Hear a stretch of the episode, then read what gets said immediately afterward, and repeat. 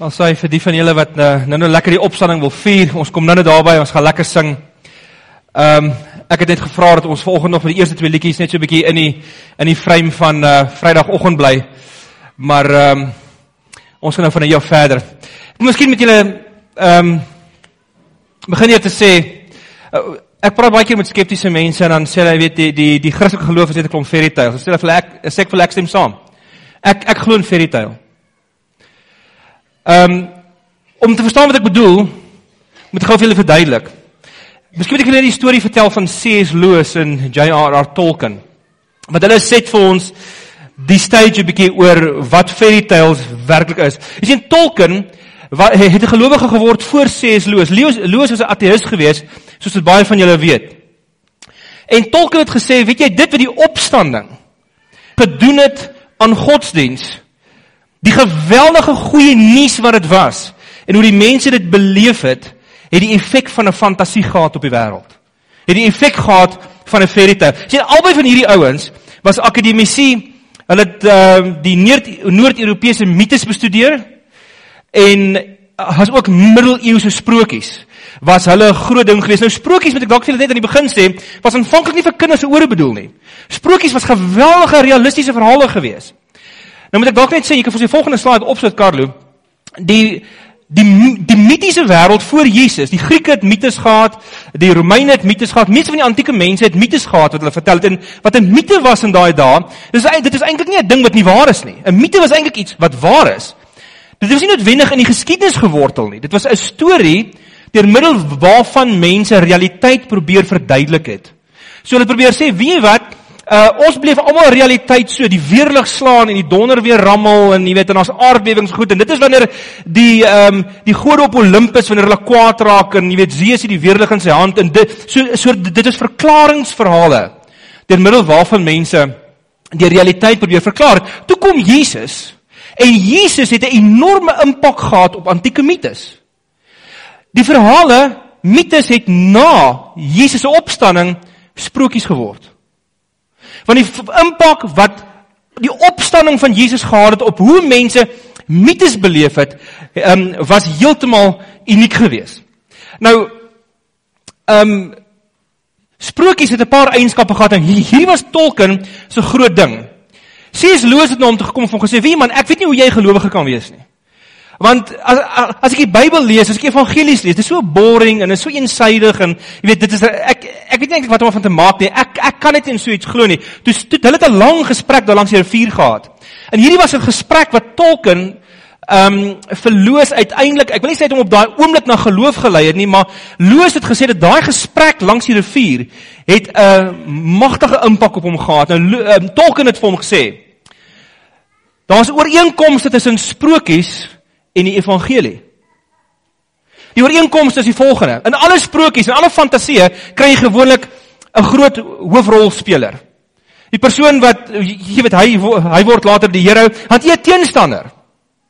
Nou ek bedoel in die evangelies is die hoofrolspelers uiteraard Jesus, die teenstander is die duiwel en 'n sonde en dis die fariseërs en die skrifgeleerdes, almal wat in die mag van die duiwel speel, kry jy ook in die evangelies.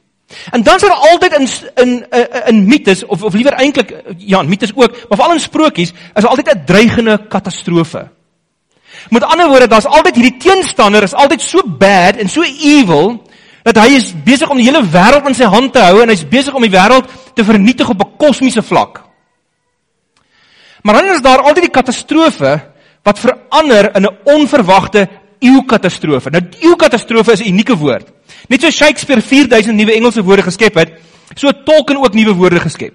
Hy sê die eeukatastrofe is die omgekeerde van 'n katastrofe. Met ander woorde, dit is dit is dis 'n hy kry die eeu van die woord evangelion in Grieks wat goeie nuus beteken, wat die evangelie beteken, né?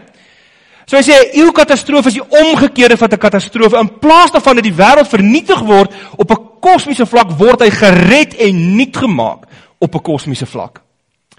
En is gewoonlik die opoffering van die hoofrolspeler wat hierdie eeu katastrofe veroorsaak. En dan is daar die altyd teenwoordige magic wat in 'n wat in 'n uh, sprokie als uiteindelik laat goed meewerk. Nou dit het Tolkien gesê is die teenwoordigheid van God. En dan nou sprokies is hier nie in hierdie opsig heeltemal simbolies. Ja, dis iets wat dis simbolies van die evangelie. Toe sê hy vir Loos die volgende: Jy moet die evangelie lees asof dit sprokies is. Maar met hierdie verskil. Dis 'n sprokie wat waar geword het. Dis 'n sprokie wat die geskiedenis binne gekom het. Met ander woorde, hy Tolkien het hom gesê, wat vertel sprokies vandag van ons van mens wees? Watter realiteit verteenwoordig dit? Ek en jy weet as ons uit 'n kinderfliek uitstap, dan is daar iets in ons wat sê, "Ja, ek wens dit die lewe was so. Ek wens dit was waar. Ek wens we all live happily ever after." En Tolkien het gesê, "Maar dis presies wat gebeur het." In die evangelie het sprokies deel van die realiteit geword. In Jesus het dit wat ons begeer, die menslike begeerte na die goeie, die menslike begeerte na liefde, die menslike begeerte na dat die goeie altyd moet wen uiteindelik. Dit het die geskiedenis binnegekom in Jesus. Maar o, ek moet miskien dit sê, mites voor Jesus was baie depressief. Die die antieke Grieke en Romeine het geglo aan die einde van die tye en die einde van die geskiedenis gaan al die um, mense um, al die helde en die slegte mense die gaan almal opstaan in 'n groot oorlog met mekaar gewikkel wees en die goeie ouens gaan verloor. Maar dis oukei, okay, want dis wat nobility is. Jy veg vir jou lewe, jy veg vir die wêreld ten spyte van die feit dat jy weet jy gaan verloor. Dis wat nobility is. Na die opstanding van Jesus het dit verander. Ewe skielik het mense nou sprokies begin skryf wat sê nee, dinge, die lewe lyk anderster na die opstanding. Dit vir die antieke mites verklaar nie meer vir ons die realiteit goed genoeg nie. Sprokies verklaar dit beter want na die opstanding van Jesus kan ons glo dat things that, that we will live happily ever after. Dit het soveel goeie nuus gebring. Die eeukatastrofe van Jesus se opstanding het alles kom verander. Hierdie gesprek tussen Tolkien en Loos het so groot impak op C.S. Loos gehad dat hy 'n paar maande daarna tot geloof gekom het. En uh en die Chronicles of Narnia geskryf het. Want fantasie was die ding wat hom connected aan die evangelie en aan die kant van die goeie nuus, hy het net besef, hierdie goeie nuus van Jesus is so awesome. Is so ongelooflik dat die beste manier om daaroor te praat is oor is as 'n sprokie wat waar geword het. So vanoggend gaan ons hierdie goeie nuus lees. Vanoggend gaan uh, vanoggend gaan ons hierdie storie lees wat ehm um, wat Tolkien se lewe verander het en wat die ganse geskiedenis beïnvloed het. So ek wil 'n bietjie anders doen as vanoggend. Ek wil vir julle vra dat ons almal opstaan terwyl ons hierdie verhaal saam lees. Kom ons staan almal op. Dis die woord van die Here. En uh volg almal op die bord saam. Die Sondagmôre baie vroeg het die vroue na die graf toe gegaan met die reukolie wat hulle reggemaak het. Daar kry hulle 'n klip weggerol van die ingang van die graf af. En toe hulle ingaan, het hulle nie die liggaam van die Here Jesus gekry nie. Hulle het nie geweet wat om daarvan te dink nie. Met een staan daar by hulle twee manne met blink klere aan. Die vroue het groot geskrik en met hulle gesig na die grond toe gebuig. Toe sê die manne vir hulle: "Waarom soek julle die lewende by die dooies? Hy is nie hier nie. Hy het uit die dood, hy is uit die dood opgewek. Onthou julle hoe hy met julle gepraat het nog toe hy in Galilea was en gesê het: "Die seun van die mens moet uitgelewer word in die hande van sondige mense, gekruisig word en op die derde dag opstaan." Toe het hulle sy woorde onthou en van die graf af teruggegaan en al hierdie dinge vir die 11 ander gaan vertel. Die vroue was Maria Magdalena en Johanna en Maria die ma van Jakobus. Ook die ander vroue saam met hulle het dieselfde dinge aan die apostels vertel. Maar vir hulle het hierdie verhaal na ons ingelyk en hulle die vroue nie geglo nie. Petrus het egter opgespring en uit die graf toe gehardloop. Toe hy daarvoor oorbuk, sien hy net doeke vol verwondering oor wat gebeur het as hy terug huis toe. Dan net die laaste paar versies ook, 'n paar verse verder in Lukas. Terwyl hulle nog oor hierdie dinge praat, staan Jesus met eens self daar tussen hulle. Dis nou eintlik daar binne in die bokkamer, né? Dis 'n paar verse later. En sê vir hulle vrede vir julle. Hulle het geweldig geskrik en bang geword en gedink hulle sien 'n gees. Hy sê toe vir hulle: "Waarom is julle verskrik en waarom uh, kom daar twyfel in julle harte? Kyk na my hande en voete." Ehm um, dit is tog ek self. Voel aan my en kyk. 'n Gees het tog nie vleis en bene soos julle uh, sien dat ek het nie. Terwyl hy dit sê, wys hy vir hulle sy hande en voete. Toe hulle van blydskap en verwondering nog nie kon glo nie, sê hy vir hulle: "Het julle hier iets om te eet?" Hulle gee hom toe iets, ekskuus, hulle gee hom toe 'n stuk gebakte vis. Hy het dit toe gevat en voor hulle oë geëet. Daarna sê hy vir hulle: Dit is die betekenis van die woorde wat ek vir julle gesê het toe ek nog by julle was, naamlik dat alles vervul moet word wat in die wet van Moses en die profete en die psalms oor my geskrywe is. Toe open hy hulle verstand om die skrif te verstaan. Verder sê hy vir hulle: "So staan daar geskrywe: Die Christus moet ly en op die derde dag uit die dood opstaan en in sy naam moet bekering en vergifnis van sondes aan al die nasies verkondig word, van Jerusalem af en verder. Julle is getuienis van hierdie dinge. Julle kan maar sit. Baie dankie. Nou, net gou 'n paar inleidende opmerkings en dan gaan ek die die koneksie maak na die paar goed wat ons aan die begin gesê het en dan gaan ons afsluit. Net 'n paar inleidende opmerkings. As jy mens hierdie verhale van die opstanding lees in al vier evangelies, is dit na 'n interessante tendens, die afwesigheid van die mans. Die mans is hier en daar teenwoordig, maar Jesus verskyn nie aan hulle nie en ook nie die engel nie. Die vrouens is die mense wat graf toe gaan. Hulle is die mense wat die graf uh oopgerol sien. Hulle ontdek die vroeë graf. En dis nogal belangrik vir die historiesiteit van die evangelie want in daai dae, wat so 'n eeu of twee later het Celsus, 'n groot opponent van die Christelike geloof gesê, mense kan nie die evangelie glo nie. Jy kan nie die opstanding van Jesus glo nie, maar dis net hysteriese vroue wat daarvan getuig het. Want in daai dae is vroue se woord nie erken in 'n hof nie. 'n Vrou kon 'n moord sien plaasvind. 10 vroue kon 'n moord sien plaasvind. Dit het niks getel nie. Hulle word as, as onbetroubaar beskou. En nou hier's 'n interessante ding. Hierdie sê iets vir ons oor die historiesiteit van hierdie verhaal. Want baie mense sê, weet jy, die storie van die opstanding is baie jare later bygevoeg. Die disippels kon ook nie aangeval niks meer onthou nie. En hierdie storie was nie regtig waar nie. So hulle het hulle eie storie gefabriseer. Nou hierdie is 'n interessante ding. As jy 'n storie fabriseer, dan skryf jy nie vrouens in die storie in as die eerste ooggetuies van die opstanding nie. Maar oor hierdie teenwoordigheid van die vrouens, buite die feit dat hulle baie dapper was tot aan die einde van die kruisgebeure en dat hulle die opgestane Jesus sien, hierdie vrouens getuig al vier evangelies van was die eerste ooggetuies. Met ander woorde, dit sê vir ons dat die Bybelskrywers nie iets probeer fabriseer het nie. Hulle het iets probeer skryf wat hulle onthou het wat gebeur het, want anders sou hulle nie vrouens ingeskryf het in die storie nie. Maar die evangelies stiek by die vier vrou um, die vier evangelies stiek by die vrouens. Die vrouens word die eerste apostels wat eintlik oor die opgestane Christus praat. 'n Tweede ding is die totale verwondering oor wat gebeur het. Ten spyte van die feit dat Jesus vir hulle hierdie ding gesê het en voorspel het, het hulle dit nie geglo nie. Hulle het hierdie goed nie verwag nie. Dis 'n baie belangrike ding met baie skeptiese mense sê vir ons, wie wat uh die evangelies is net so geskryf want die ouens het verwag Jesus gaan opstaan en toe dink hulle hulle sien hom na die tyd. Maar as jy na hierdie goed kyk en na al die ander data wat ons het, hulle het dit glad nie verwag nie. Ten spyte van die feit dat Jesus daaroor gepraat het, opstanding was nie deel van hulle raamwerk nie. Daarom het hulle ten spyte van die feit dat hulle Jesus sien, dit steeds nie geglo nie. 'n Volgende ding is Jesus se fisiese gestalte. Baie sê ehm um, baie mense wat spiritueel is, uh, ek het 'n nuwe uitvriendin wat sê uh hierdie was eintlik net uh, hulle het 'n gees gesien, Jesus was 'n gees. Maar die evangelies al vier van hulle gaan deur ongelooflik baie moeite om vir ons te vertel dat Jesus nie 'n gees was nie. Dat hy 'n fisiese liggaam gehad het en dat hy voor hulle geëet het. En die opstanding is vir ons die beste verduideliking van die vier historiese feite. Die vier historiese feite is die feite wat alle historiese glo, gelowig en ongelowig. 1, Jesus het gesterf op Golgotha, almal glo dit. Daar's hier en daar 'n nat keuse wat dit nie glo nie, maar hulle boeke verkoop nie eintlik nie. Die die tweede ene was dat Jesus dat, dat daar 'n oop graf was. Uh en die derde ene was dat die disippels werklik waar geglo het en baie ander mense dat Jesus werklik aan hulle verskyn het. So baie so so Hierdie feit sê nie noodwendig Jesus het aan hulle verskyn nie. Hierdie feit sê baie mense, Paulus sê in 1 Korintiërs 15, 500 mense gelyk het geglo, uit hulle harte uitgeglo. Jesus het aan hulle verskyn. Nie een mens iewers in 'n hoek nie. Sommige hordes te gelykheid. En die vierde feit is die klimaktiese en die die eksplosiewe groei van die vroeë kerk. Jy het net nou vir ons gesê, in Jesus se tyd was daar 12 Messias figure.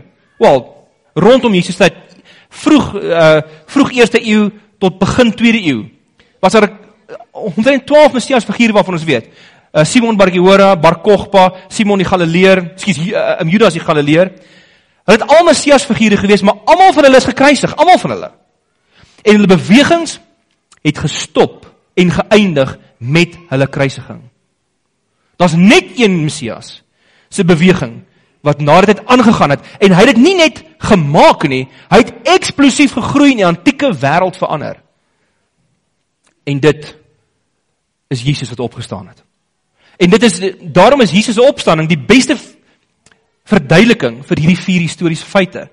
As al van julle is wat daarin belangstel wat bietjie van die opponerende goed wil lees, kan my kom praat na dit. Dit is baie interessante boek om te lees hieroor. Maar dan die die die laaste ding, met ander woorde, die vroeë kerk het dit beleef as fantasie het werklikheid geword.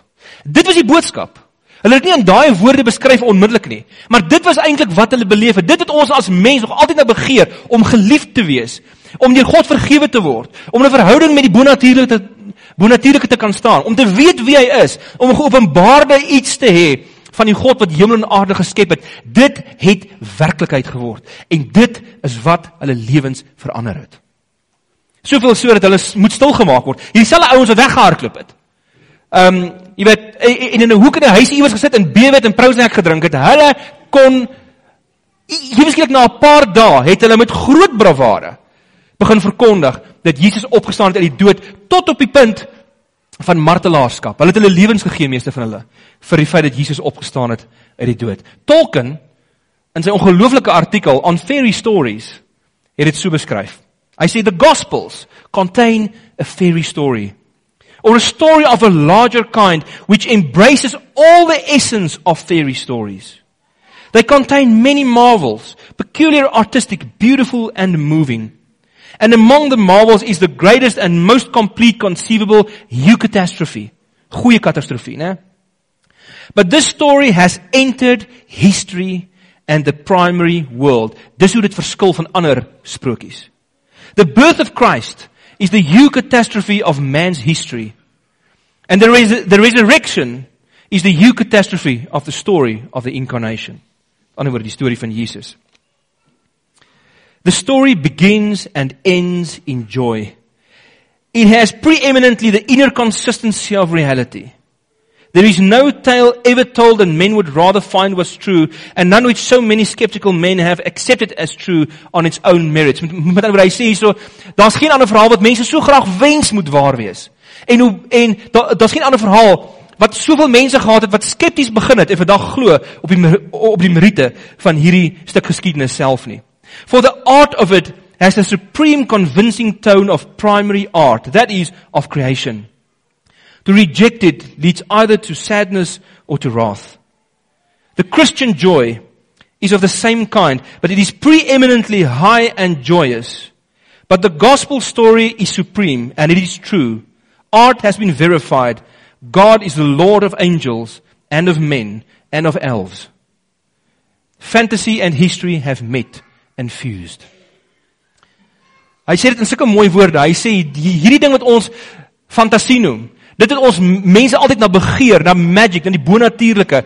Dit het dit het in die storie van Jesus het dit in die geskiedenis saamgekom en visie het plaasgevind. En fantasie is gebore fantasie wat waar is, die werklike fantasie, werklike sprokies wat die realiteit verklaar soos wat dit werklik is. So, ek gaan die res van die tyd vanoggend dat ek gaan gesels, gaan ek net twee of drie punte of 'n paar punte uitlig oor hierdie fantastiese nuwe realiteit van die opstanding. Ek gaan nie verder klem lê op op waarom dit waar is nie. Eh, trouens is my moeilik want dis altyd waar jy weet waaroor ek praat met mense. Maar Eh, ek gaan vanoggend net praat oor die implikasies wat dit gehad het vir die vroeë kerk. Die mindshift wat dit by hulle gebring het. Wat se betekenis het dit vir hulle gehad? En wat presies ehm um, wat, wat ons kan verklaar waarom die vroeë kerk in die eerste 3 eeue so geweldige groei het en geboorte gegee het aan letterlik die, ek sê dit nie omdat ek 'n Christen is nie, geboorte gegee het aan die kragtigste beweging in die geskiedenis. Die eerste ding wat ons al weet is die dood is oorwin en in trirad geplaas. Dit dit dis een van die dinge wat vir hierdie mense ongelooflike mindshift gebring het. Redding het gekom. Die vroeë kerk het een het eenvoudig dit gelyk asof hulle geen vrees meer gehad het nie. Ek is seker is nie dat hulle nie vrees gehad het nie, maar hulle is net meer afgeskrik deur die dood wat hulle bedreig het nie. Die dood was die is die grootste gereedskap in die hand van 'n van 'n tiran, van 'n autokraat, van van 'n groot ryk soos die Romeinse ryk. En dit het net geen houvas meer op hulle gehad nie. Hulle het steeds daarvan gehou om te sterf nie, om te ly nie. Maar die opstanding En dit wat hulle beleef het in die opgestane Jesus, was vir hulle so allesomvattend dat die dood net nie meer iets was wat hulle gevrees het nie. Die dood was nie meer die laaste sê nie. Die tweede ding is liefde, genade en vergifnis is nou die hoogste heersende waardes na die opstanding. Met ander woorde, dit wat Jesus oor gepraat het, dit wat hy gemodelleer het, toe hy vir hulle gesê het 'n nuwe gebod gee ek julle, julle moet mekaar lief hê. Die manier hoe hy buitestanders hanteer het en hoe hy vyande hanteer het, hoe hy vyande vriende gemaak het en hoe hulle self vergifnis ontvang het het vir hulle net 'n wêreld oopgebreek. In die teks eh, Lukas 24 het ons gelees en ek dink nie ons lees dit maklik raak nie, Want Jesus het vir hulle gesê, sê vir die disippels in die eerste gedeelte, het vir vrouens gesê, gaan sê vir die disippels, ek ontmoet hulle in Galilea. Ek gaan voor hulle uit Galilea. Die disippels sou na die tyd gedink het, wel, ons het almal weggehardloop. Dit was nie net Judas Iskariot nie of Petrus wat die Jesus verloon het nie, maar daai twee was eintlik simbole vir hoe die res van die geskiedenis, ekskuus, vir hoe die res van die disipelkring opgetree het. Hulle het ook almal weggehardloop. En die kerk het deur die eeue heen die Here gedrop. En ten spyte daarvan na die opstanding se eerste woorde sê vir die disippels, dis nie verby nie. Ek het hulle nie gedrop nie. Ek het genade vir hulle. Dis waarom ek gesterf het. Ek ontmoet hulle in Galilea. Die storie gaan aan. Dit is maar net die begin. So van toe af ewe skielik die transformerende impak wat die vroeë kerk op die eerste paar eeue gehad het is omdat hulle die wêreld hanteer het met dieselfde grace, vergifnis, liefde. Hulle lewens was net nie weer dieselfde nie. 'n Derde punt. Die opstanding het vir die vroeë kerk 'n ongekende confidence gegee. Hierdie mense was eenvoudig in Handelinge 4 en lees ons dit. Ons sien hoe hulle voor die Joodse raad gedag word. Hierdie selfe ouens wat weggehardloop het net 'n paar dae gelede. Eenvoudige vissermanne. Hulle sou nie hulle mond in die openbaar oopgemaak het voor die opstanding nie. Veral nie net na Goeie Vrydag nie, as aan die opstanding was nie. En iewes skielik neem hierdie eenvoudige mense, ongeleerd, geen doktersgrade of selfs 'n BA graad nie, verander die antieke wêreld en durf die magtigste mense in die ryk aan, die mees geleerde mense, die fariseërs en die skrifgeleerdes, mense wat veronderstel is om akademies by verre hulle meerdere te wees. Het jy dieselfde confidence? En ek spesifiek die Engelse woord gebruik want selfvertroue vertaal nie vir my heeltemal reg nie. Confidence is vir my 'n beter woord. Hierdie mense het ewe skielike ongekende conference gehad en om dit wat hulle gesien het te verkondig want hulle het geglo we will live happily ever after. Die rug van die dood is gebreek. Die vierde ene wat die impak wat dit gehad het wat die opstanding gehad het is die geskiedenis is op pad iewers heen en die bestemming is onuitspreeklik goed. Jy sien voor dit voor Jesus het mense geglo dat die die die Die lewe is 'n reeks oneindige siklusse wat homself net herhaal en herhaal en herhaal. Die Jode het 'n bietjie meer 'n sin vir geskiedenis gehad, maar eintlik ook nie regtig volledig nie. Die die oeste wat gekom het en gegaan het, die die seisoene van die lewe waar waar die waar die winter die natuur gesterf het en die, met lente weer opgestaan het, was eintlik vir hulle maar net tekenend geweest omdat dit so herhaal en herhaal dat dit maar net siklusse was wat oor en oor herhaal word. Om die aand te slaap en die volgende oggend op te staan, was maar net eintlik hierdie hierdie simbool van 'n geskiedenis wat nêrens heen op pad was nie, wat homself net oneindiglik herhaal. Um die die wurm wat 'n skoenlapper word, was tekenend van dieselfde ding. Die circle of life as jy Lion King gekyk het, was tekenend van dieselfde ding, maar na die opstanding van Jesus het al hierdie dinge in die natuur en al hierdie dinge in die werklikheid het eweskielik simbool geword van iets anders. Het 'n simbool geword van die opstanding van Jesus. Het simbool geword van daarvan dat God mens geword het, net so gesterf het soos wat daai wurmpie moet sterf en net so opgestaan het soos hy skoenlappertjie moet opstaan. Dis hoe die vroeë kerk hierdie goed begin interpreteer het. Dit het 'n mind shift by hulle veroorsaak. Die opstanding het vir hulle die nuwe realiteit geword. Die opstanding as dit pas naweek gebeur het, ook goeie Vrydag. Het hulle meer gesê as net gesê ons is gered. Natuurlik het dit was hulle die blyste daaroor. Maar het ook vir hulle gesê dit is hoe die lewe werk. Dood bring lewe. So elke ete wat hulle saam geëet het, was vir hulle 'n wonderwerk na die opstanding. Want hulle het gesien hier op my bord is daar dinge wat sterf, net soos Jesus, sodat ek kan leef. Daarom het hulle God gedank by elke maaltyd. Want elke maaltyd en elke ding wat hulle in die lewe gesien het, het iets van die opstanding verteenwoordig, het iets van Paasnaweek vir hulle gesê. So die geskiedenis is iewers heen op pad. Ehm um, Dis iewers op pad en hierdie eindbestemming is ongelooflik goed. Ons mag maar hoop op 'n beter wêreld. Ons kan hard werk want die werk wat ons doen is nie verniet nie, sê 1 Korintiërs 15. Dis iewers hier op pad. Die geskiedenis gaan iewers heen. Ons mag droom oor 'n beter toekoms want die opstanding het plaasgevind. Nog 'n punt, nog 'n mindset wat hulle gebring het is die skepping, die lewe en die geskiedenis is God se speelveld. Die lewe het ewe skielik die plek geword waar hulle mekaar gesê het ons kan God sien, hy's hier. Hy's Immanuel by ons. Ten spyte van sy tragedie wat hierdie wêreld nog steeds het, ten spyte van die pyn en die lyding wat nog steeds in hierdie wêreld is, het God Jesus God het binne gekom in die gewone wêreld, in die gewone lewe, in die alledaagse lewe het God binne gekom deur die dood en opstanding van Jesus of deur die inkarnasie, die dood en die opstanding van Jesus. Die bonatuurlike het nou deel geword van alledaagse lewe. Alhoewel op 'n weggesteekte manier soms het die Christene begin glo God is aan die werk in hierdie wêreld.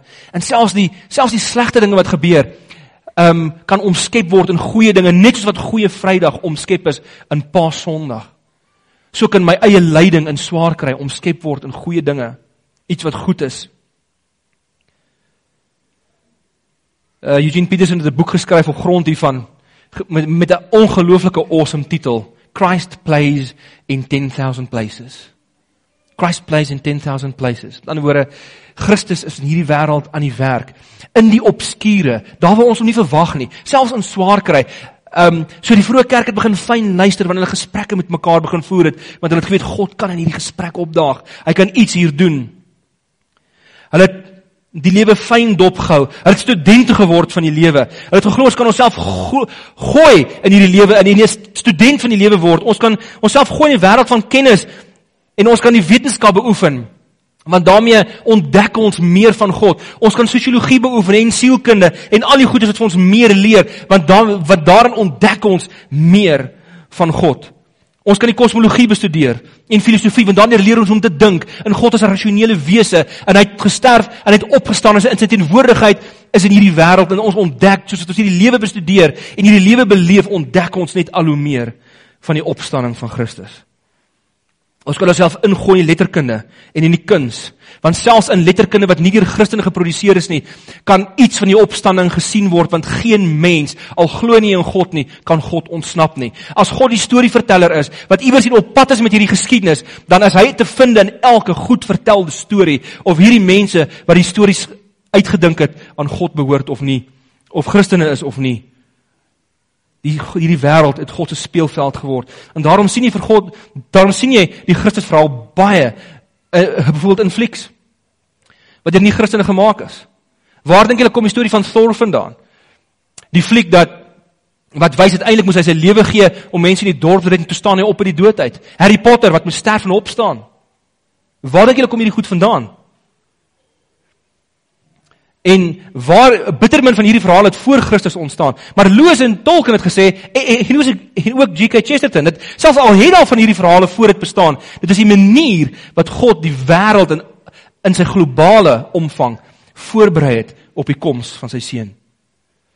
Sodat hulle iets kan verstaan van die hemelse wese wat mens word. Sodat wanneer dit werklik gebeur in Jesus, dat dit nie vir hulle onmoontlik sal wees om te glo nie. Enige waarheid goedheid of skoonheid kan nou 'n heenwyser wees na die God wat die dood oorwin het. Kan 'n heenwyser wees na Paasnaweek al glo die skrywers self nie want hierdie wêreld behoort aan God.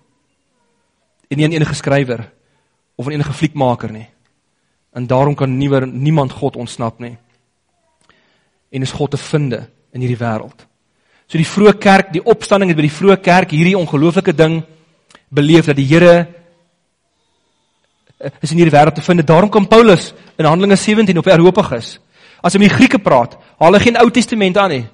Hy haal twee Griekse filosowe aan, miskien dalk 'n derde ene, met ten minste Epimenides en Aratus wat 'n paar eeue voor Christus geleef het, wat nie oor Christus gepraat het nie.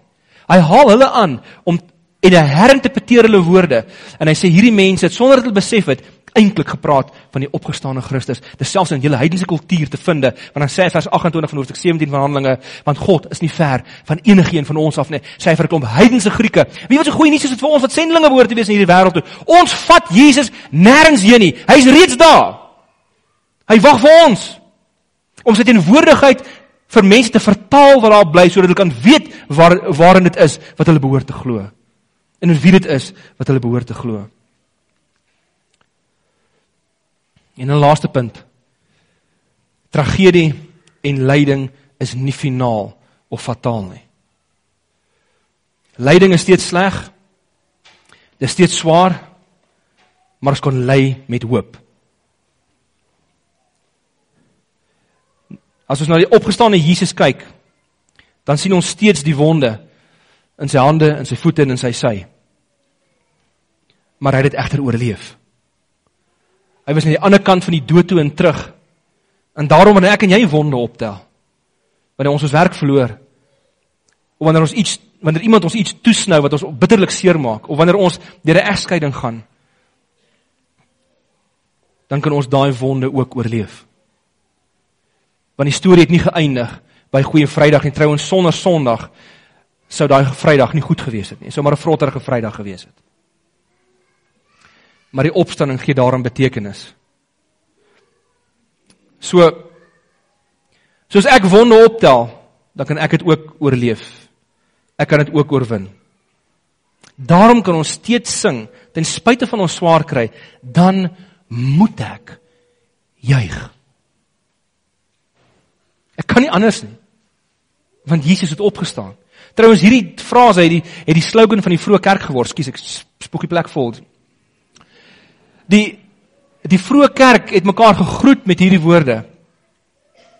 Hy het opgestaan en die ander persoon het geantwoord, ja, hy het waarlik opgestaan. Dit het hulle identiteit geword. Dit het hulle manier van groet geword. Daarom kon hulle steeds sing, dan moet ek juig. Ons kan steeds sing, hy is my leidsman. Hy laat my leef. Hy is oorwinnaar. Daarom kan ek steeds sing, my redeemer lives. Die band kan swaling vorentoe kom by the way. Met ander woorde, maak nie saak waar ek en jy gaan nie, ons verloor nie ons lied nie. Daarom omdat die opstanding plaasgevind het, is ons 'n gemeenskap wat sing. Ons is 'n singende gemeenskap. Ons is 'n singende mensdom. Ons is die want vreugde is ons melodie. En dis wat ons aan die wêreld behoort te verkondig. En die opstanding, die dood en die opstanding van Jesus word ons nuwe identiteit. Ons verloor nie ons lied nie, maak nie saak waartoe ons gaan nie. Trouens ons kry 'n nuwe lied elke dag. Soos Jeremia gesê het, die Here se genade is elke oggend nuut. Daai waarheid is bevestig deur die opstanding op Paasondag. So vreugde raak die melodie van ons uh, lied, nie meer die klagpsalms van die Ou Testament nie. Hoekom?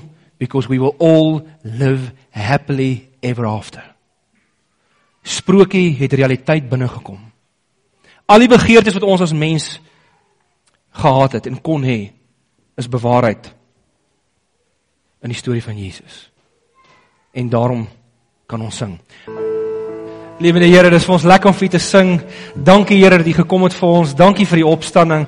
Dankie vir al vir hy ongelooflike prys wat U Vrydag betaal het. Here, ons eer U. Dis vir ons lekker om te sing. Dankie vir die asem waarmee ons U kan sing. Dankie dat U dit vir ons verniet skenk sodat ons 'n lied in hierdie wêreld kan sing wat almal nodig het om te hoor. Ons eer U daarvoor. Almal antwoord. Amen. En daarmee ontvang die seën van die Here. Mag julle ingaan hierdie week met hoop en confidence en vergifnis en liefde teenoor almal want die genade van ons Here Jesus Christus en die liefde van God ons Vader en die opstanningskrag van die Heilige Gees werk in elkeen van ons en die gemeente antwoord weer eens. Amen. Amen.